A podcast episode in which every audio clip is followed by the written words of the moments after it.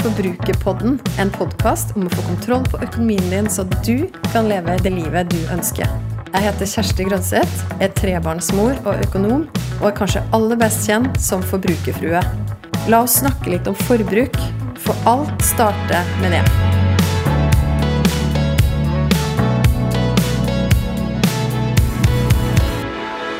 Hvordan kan du få oversikt over din framtidige økonomi? Det var et spørsmål som jeg fikk i innboksen min på Instagram fra en av dere. Hun som skrev til meg, skrev det at hun har ganske god oversikt og kontroll over sin økonomiske situasjon akkurat nå. Men når det gjelder hennes framtidige økonomi, så syns hun det er litt mer krevende. Og Bakgrunnen for spørsmålet som hun sa til meg, er at hun ønsker å spare langsiktig til f.eks.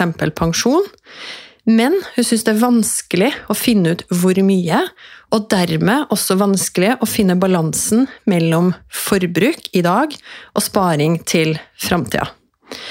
Hvis du kjenner deg igjen i noe av det her, eller generelt er opptatt av deg sjøl i framtida, og gjerne også deg sjøl og din økonomi i framtida, så er denne episoden til deg. I det siste så har jeg nerda litt innenfor ett spesifikt fagfelt, og jeg har kommet over en forsker ved UCLA som heter Hal Hirschfield, som forsker innenfor markedsføring, beslutningstaking og psykologi. Og han har lært meg et nytt begrep som jeg ikke kunne fra før. På engelsk så heter det future self-continuity. Kanskje har du hørt det før, kanskje ikke. Jeg hadde ikke hørt det før. Og jeg har heller ikke funnet noen sånn direkte god norsk oversettelse. Men vi kan si at det betyr den koblingen som er mellom den du er i dag, og den du blir i framtida. Og hans forskning viser da at det har ganske mye å si hvordan vi ser på oss i dag, og hvordan vi ser på oss i framtida. Og hvordan vi da ser hvorvidt det er en kobling der. Det her tror jeg det har ganske mye å si hvilken personlighet du har når du skal begynne å tilnærme deg et sånt tema. For for min del, som er ganske mye sånn her og nå på de fleste personlighetstester som jeg tar, så er det så er jeg rett og slett mer her og nå. Og det kan være mer krevende for en personlighetstype som meg å se for meg ting langt inn i framtida. Så har du Paul, mannen min, helt på andre sida av skalaen. Han slår ofte ut på sånn futuristisk og sånn i sånne personlighetstester, og at han er ganske mye orientert mot framtida. Derfor, i vår relasjon, så er det ofte han som er den visjonære, han som setter en retning for oss, og så er jeg himla god på å følge opp og gjøre helt konkrete handlinger fra i dag og i morgen osv. Okay. så, og Han drar det jo så langt som at han til og med liker å oppsøke kirkegårder. han, Fordi at han liker å se og minne seg sjøl på at ok, livet kommer en dag til å ta slutt. Og så gir det han et perspektiv på livet her og nå. Det er en veldig skremmende tanke for meg. Det tror jeg har nevnt tidligere. Uansett så er det lettere for han å se for seg seg sjøl om både 5, 10 og også 20 år fram i tid. Mens for min del så må jeg ofte sette meg ned og bestemme meg, eller mane fram litt sånne bilder av ok, men hva, hva betyr det i praksis, hvor er jeg da?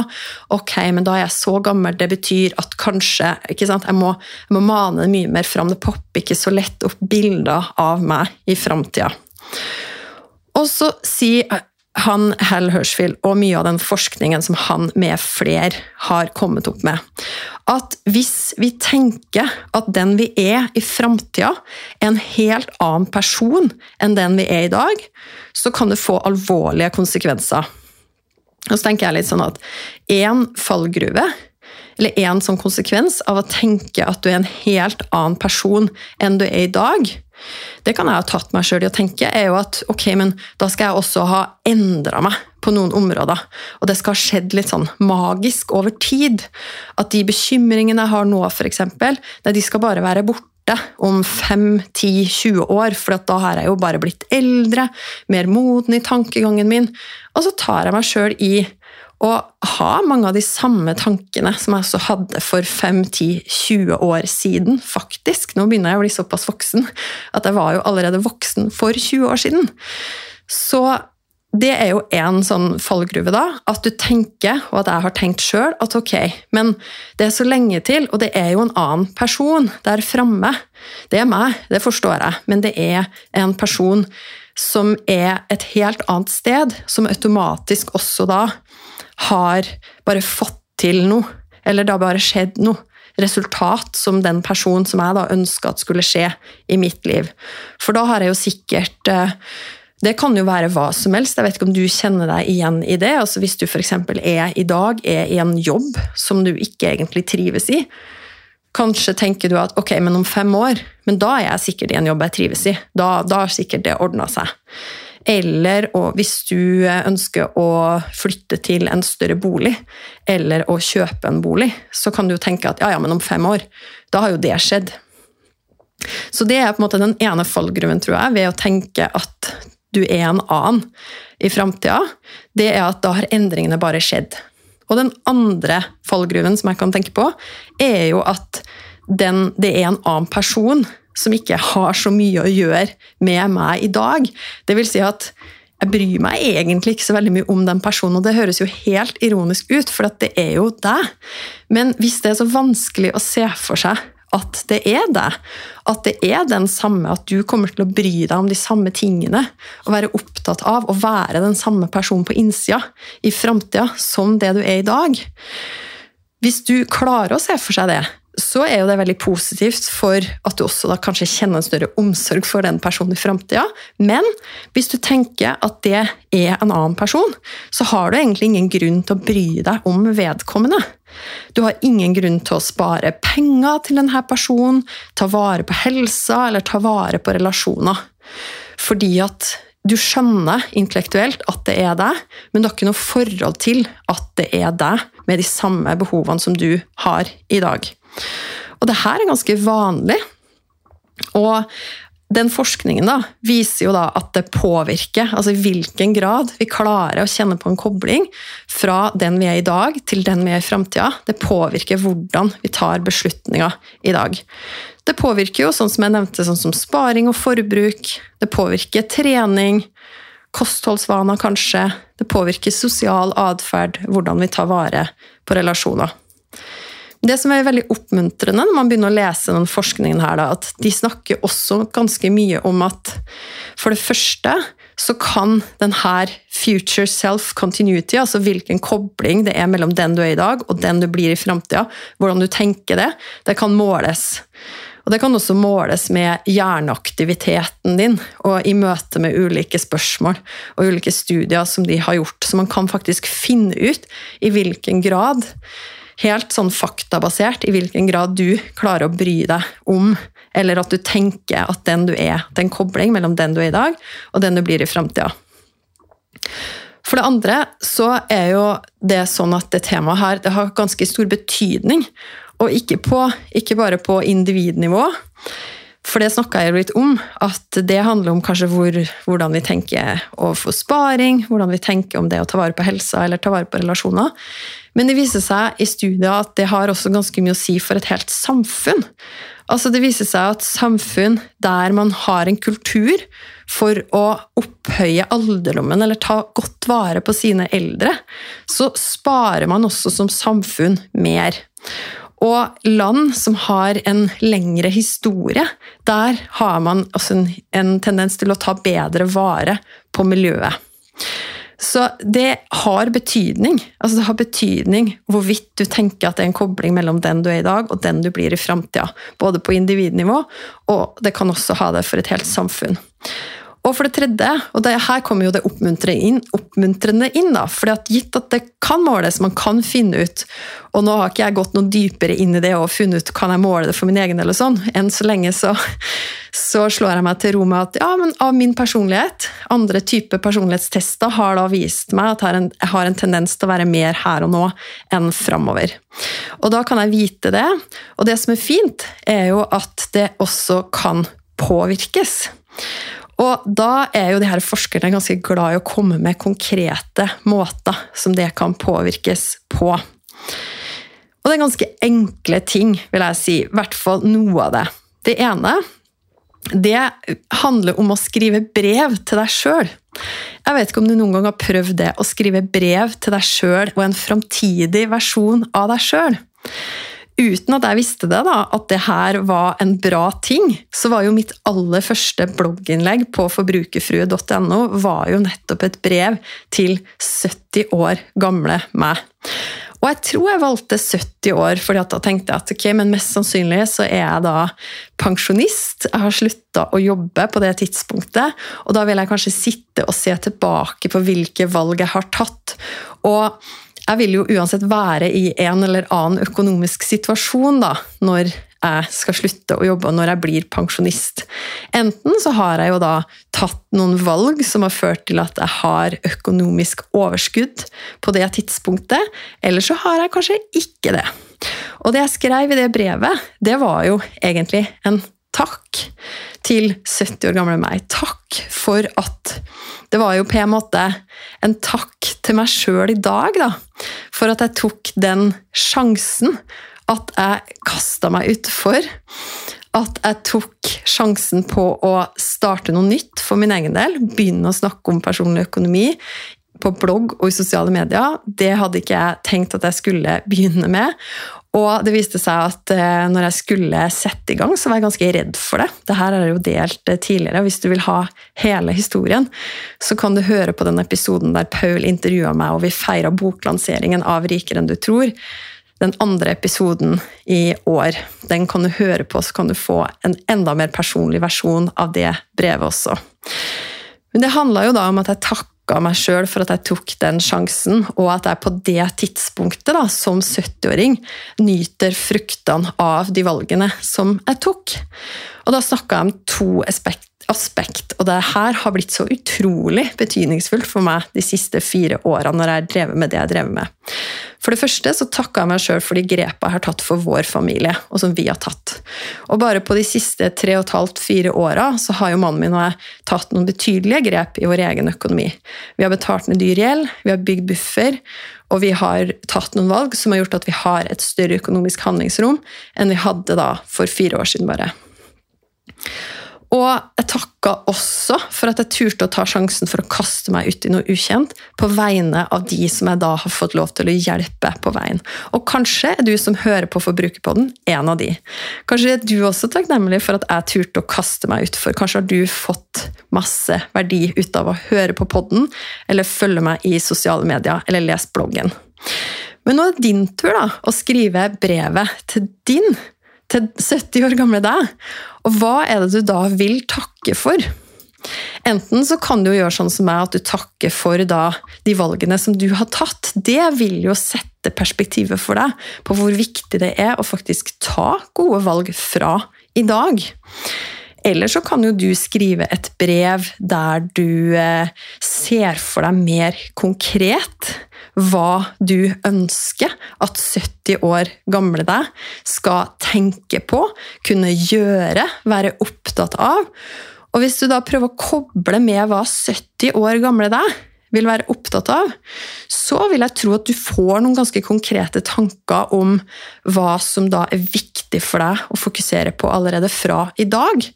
Og kanskje innser du at hei, 70 år gamle deg kommer jo fortsatt til å være deg med det som du er opptatt av. Kanskje ser det litt annerledes ut, da. det kommer jo an på kanskje er du i en småbarnsfase nå, eller du er student, eller Du vil jo kanskje ha andre interesser som 70-åring, men det som er kjernen av deg Kanskje er du opptatt av de samme tingene da som nå. Så det å skrive et brev, det har vært forska på det, at mennesker som har gjort det, de har gått ut derfra og tatt færre dårlige valg etterpå. Rett og slett fordi at de har connecta mer med sitt fremtidige jeg. Den andre måten det kan jo også gjøres det kan gjøres ganske komplisert, eller det kan gjøres enkelt. Altså, det finnes jo virtual reality, hvor man kan gå inn sikkert, Jeg har ikke sett det, men ta på seg briller, kanskje, og gå inn i noen sånne univers for å finne en digital versjon av deg sjøl. Som da eldre. Og der kan du jo fysisk se, da, se deg sjøl som eldre. Det jeg har gjort, da, det er at jeg har prøvd sånne apper lapper du vet, med sånne eldre filter på. Det finnes jo Du kan bare søke på det på enten som filter når du er på Snapchat eller Instagram eller hvor som helst og bruker sånn old people-filter, eller så kan du også søke bare i nettleseren din på å gjøre deg sjøl om til en, en, eldre versjon av deg. Så kan du legge opp et, laste opp et bilde av deg sjøl i dag, og så får du sånn old, old face-filter på deg. Det kan jo føre til at du får deg en ha-opplevelse. Bare Oi, er det sånn jeg kommer til å se ut? Og øh, kanskje blir du glad fordi at du ser at oi, det her jeg ser jo at den personen her er jo åpenbart litt mer rynkete og ser litt øh, visere og, mer, og eldre ut. Men det er jo meg! Det ligner jo faktisk på meg. Og det har vist seg igjen i studier at de som da går og får et sånt møte med en digital versjon av sitt eldre jeg, går rett ut derfra og sparer mer til pensjon. Jeg vet ikke om det er, de resultatene der er overraskende for deg. I utgangspunktet så er det jo det er veldig logisk. fordi at jo mer vi skjønner at en person som er, som er meg da, i framtida, jo mer jeg blir kjent med vedkommende, jo mer bryr jeg meg jo om vedkommende. For det er jo ofte sånn at mennesker som vi blir kjent med, de blir vi mer glad i, de bryr vi oss automatisk mer om. Så hvis du da ser for deg deg sjøl f.eks. om fem år, og stiller deg da spørsmål tilbake Om du gjorde alt du kunne i dag for å gjøre verden et bedre sted, både for ditt nåværende og ditt framtidige jeg Og hvis ikke, hvis du ser for deg at oi, i dag, ja, så kan jeg jo faktisk gjøre mer. Jeg kan gjøre andre ting som vil få konsekvenser for meg sjøl om bare om fem år. Så kan du stille deg spørsmålet hva vil du da endre på? Er det sånn at du tar beslutninger i dag som du veit egentlig ikke er bærekraftig? Bruker du f.eks. mer penger enn du har, ja, men da er det jo garantert at du ikke lar det være noe til overs til ditt fremtidige jeg og deg sjøl om bare fem år fram i tid. Er det sånn at du egentlig lever litt for trangt. Du lever litt over evne hele tida. Du bruker ikke mer enn du har, men du har kanskje noen eiendeler som binder deg mer enn du skulle ønske. Du sitter litt fast, for du er jo også i en jobb som du vet at du må beholde for å kunne opprettholde den livsstilen som du har. Kanskje tjener du mye, kanskje har du hus, kanskje har du bil, og alle de tingene er egentlig på plass. Men når du tenker på deg sjøl om fem år, så blir du kanskje litt trist, og så tenker du at åh, kunne jeg gjort noe annerledes for å være i en annen situasjon om nettopp fem år? Fem år kan jo føles lang, langt der framme, det også. Men det er ofte sånn at vi har en tendens til å overvurdere hva vi kan få til på ett år, og undervurdere hva vi kan få til på fem år. Så det er mulig å få til ganske store endringer bare i løpet av fem år. Men alt starter med hva du gjør i dag, og hva du bestemmer deg for å endre på. Du, hvilke vaner du bestemmer deg for å beholde, og hvilke nye ting du begynner med. Så tilbake til det spørsmålet som jeg fikk. Hvordan kan du få oversikt over din framtidige økonomi?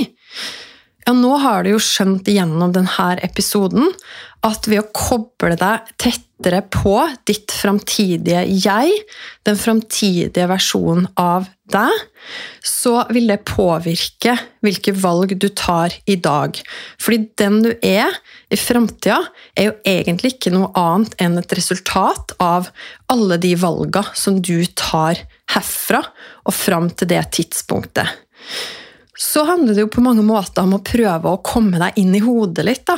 Enda dypere inn i forståelsen av hvem er denne fremtidige personen, og hva er det som kommer til å være viktig.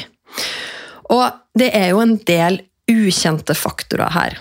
Altså, For det første så tror jeg at svaret på det med å få oversikt over din framtidige økonomi, det ligner ganske mye på svaret på spørsmålet hvordan du får oversikt over din økonomi i dag. Fordi det handler jo om å få oversikt over hva du kommer til å få inn på konto, og hva som går ut av konto, hva du eier, og hva du har i gjeld. Og til det aller siste så kan jo et mål, et fint mål, være å ikke ha noe gjeld i det hele tatt når du, den dagen du skal slutte å jobbe, når du blir pensjonist. La oss ta det som kommer inn på konto først, da. Det er jo da summen av det du kommer til å få i pensjon fra Nav, og det som arbeidsgiverne dine gjennom hele din karriere sparer opp for deg. Og så kan det jo hende at du i tillegg har starta egen pensjonssparing, eller at du ønsker å gjøre det. Så kan det jo også være vanskelig å vite hvordan lønna di kommer til å utvikle seg nå i årene framover. Og Kanskje er det sånn at du bygger en karriere der du forventer å stige ganske mye i lønn, og hvordan skal du regne inn det på en måte i hele regnestykket når du skal finne ut hvor mye du trenger å ha den dagen du ikke lenger skal jobbe? Vel, det beste utgangspunktet du har, er jo den lønna du har i dag. Og når du da legger inn dine opplysninger i en sånn type pensjonskalkulator, som f.eks. hos Nav, så vil den jo ta utgangspunkt i den lønna du har i dag. Sjøl om vi vet at det kan jo endre seg i veldig stor grad. Men det er uansett det beste utgangspunktet du har. Og med den kunnskapen da om hva du vil få i pensjon fra Nav og fra dine arbeidsgivere, så vil jo neste spørsmål være ok, hvor mye trenger jeg å ha på konto den dagen jeg ikke lenger skal jobbe? Hvis det er sånn at du ser at det du kommer til å få i pensjon, er rundt 60-66% av den lønna du har i dag, så må du stille deg spørsmålet ok, er det nok? Og det er da det er relevant å begynne å se på de ulike delene av kaka di. Sikre, leve, nyte, drømme og gi. Hva er det den framtidige versjonen av deg vil ønske å prioritere sine penger på? Vil det være så veldig annerledes enn i dag? Kanskje vil det det? Kanskje har du helt konkrete tanker om den dagen du ikke lenger skal jobbe? Da skal du reise, da skal du dyrke hobbyer, kanskje nyte, drømme. Kanskje det er det tidspunktet der de kakestykkene, at du ser for deg at de skal være størst i løpet av livet ditt. Mest sannsynlig, i hvert fall hvis du har betalt ned all gjeld, så har jo levekostnadene dine gått en god del ned. Og da betyr jo det at du har frigjort Du har skapt rom da, i budsjettet ditt, enten til å kunne ha en lavere inntekt, eller med en like høy inntekt som det du har i dag, så vil du frigjøre til å kunne nyte, drømme, gi. Kanskje også sikre, hvis du ønsker å spare opp til framtidige generasjoner, f.eks. Det er jo alle de spørsmålene her da, som du må stille deg. Og så må du veie det også opp mot det du da eventuelt vil sette av og spare i dag. Og hvis det er sånn at du tenker at åh, men den framtidige versjonen av deg, den vil, vil også verdsette frihet, økonomisk frihet, da vil jo det måtte få noen konsekvenser for de valgene du tar i dag. Hvis du ønsker å ha penger å rutte med når du ikke lenger får en fast inntekt inn på konto, så trenger jo du faktisk å sette av et beløp i dag, og kanskje hver måned, fram til den dagen du ikke lenger skal jobbe. Og kanskje føles ikke det som et så stort offer da, når du har blitt litt bedre kjent med den fremtidige versjonen av deg sjøl og skjønt at den personen også vil verdsette mange av de samme tinga som du setter pris på i dag. Og så er det også en litt interessant ting som når det gjelder inntekten din. For nå har jeg jo egentlig bare snakka som om du har en fast inntekt, eller en Det kan være en inntekt som varierer også, men en inntekt der du bytter tida di mot penger. da. Du har en jobb du går til, og så får du betalt for det. Men det kan jo hende du tenker også at ok, men den personen, framtidige meg, som ønsker økonomisk frihet, ønsker faktisk også å nyte fruktene av noen investeringer du har gjort på et tidspunkt nå, som handler kanskje om mer enn den månedlige sparingen din i aksjefond. Kanskje du ønsker å bygge opp noen strømmer av gjentagende inntekt. Kanskje du ønsker å gjøre investeringer der du kan få utbytte. Kanskje du ønsker å bygge opp ditt, din, ditt eget foretak, din egen virksomhet, noe du kan tjene penger på, som du kan se for deg også at kan gi deg gjentagende, løpende inntekt. Kanskje ønsker du å investere i andre eiendeler, som bolig, eller andre ting som du kan leie ut, og på den måten gjøre en investering nå og høste fruktene av det over lang tid. Så det er også sånne, sånne, spørsmål som du kan stille deg når du sitter der og skal få oversikt over din framtidige økonomi. Så kan det jo også hende at sånne ting som arv kommer inn i bildet, hvis, hvis du tenker at det kommer til å være aktuelt for deg. Da er det jo mulig at du har en plan, hvis du arver penger, at du skal bli gjeldfri raskere, eller at du skal investere de pengene. Men der også må jo spørsmålet være hva da til? Altså hva er det du ønsker å oppnå? Ønsker du å oppnå en større økonomisk frihet tidligere enn kanskje du ville fått hvis du ikke investerte penger? Eller ønsker du å bli gjeldfri tidligere, men fortsette i jobben din? Og kunne reise mer, kunne drømme mer, nyte mer, gi mer? Det er sånne spørsmål som du må stille deg når du også tenker over og skal prøve å få oversikt over din framtidige økonomi. Og for å finne den balansen da, mellom forbruk og sparing i dag, så handler det da om å stille deg sjøl spørsmålet hva er det som er en bærekraftig økonomi, økonomi for min del? Og hva mener jeg med det? Jo, en bærekraftig økonomi, sånn som jeg ser det, det handler om at du lever godt i dag på mindre enn du tjener. Sånn at du har en differanse der, en forskjell mellom inntekten din og det du bruker, forbruket ditt, sånn at du kan ta den forskjellen og investere den i noe som betyr noe for deg, både nå, og som vil bety noe også i framtida. Så det blir spørsmålet, da, helt til slutt i denne episoden. Hvilke valg tar du som gjør at du nettopp lever godt i dag på mindre enn du tjener? Og hvordan kan du da investere den forskjellen mellom det som kommer inn og det som går ut til forbruk? Investere den i det som betyr mest, og på en måte som gjør at dine penger vil vokse mest mulig over tid. Så jeg lar det spørsmålet bare henge litt sånn i lufta mens vi går inn for landing av denne episoden. Og Send meg gjerne en melding eller skriv en mail til meg på heiatforbrukerfrue.no hvis du fikk noen nye tanker eh, knytta til ditt framtidige jeg og din framtidige økonomi etter denne episoden, så tar jeg mer enn gjerne praten videre med deg der. Og i mellomtida så vil jeg at du skal gå ut og være stolt av de valgene du tar for deg sjøl og for din økonomi, dine penger. Og så fikk jeg lyst til å slenge på på tampen i dag at jeg håper du i dag kan bruke bitte litt penger på å bare skjemme bort den nåværende versjonen av deg sjøl, og kjenn at det gir deg ekte glede å bare nyte livet i dag. Fordi du har mulighet til det. Jeg vil gjerne vite hva du tenker etter å ha hørt episoden. Så koble med meg på Instagram. Der finner du meg som forbrukerfrue. Send meg en melding. Tagg meg gjerne i Story og del episoden her hvis du likte den. Eller send meg spørsmål. Og husk å abonnere på podkasten Forbrukerpodden, så får du beskjed hver gang det kommer en ny episode. Vi høres!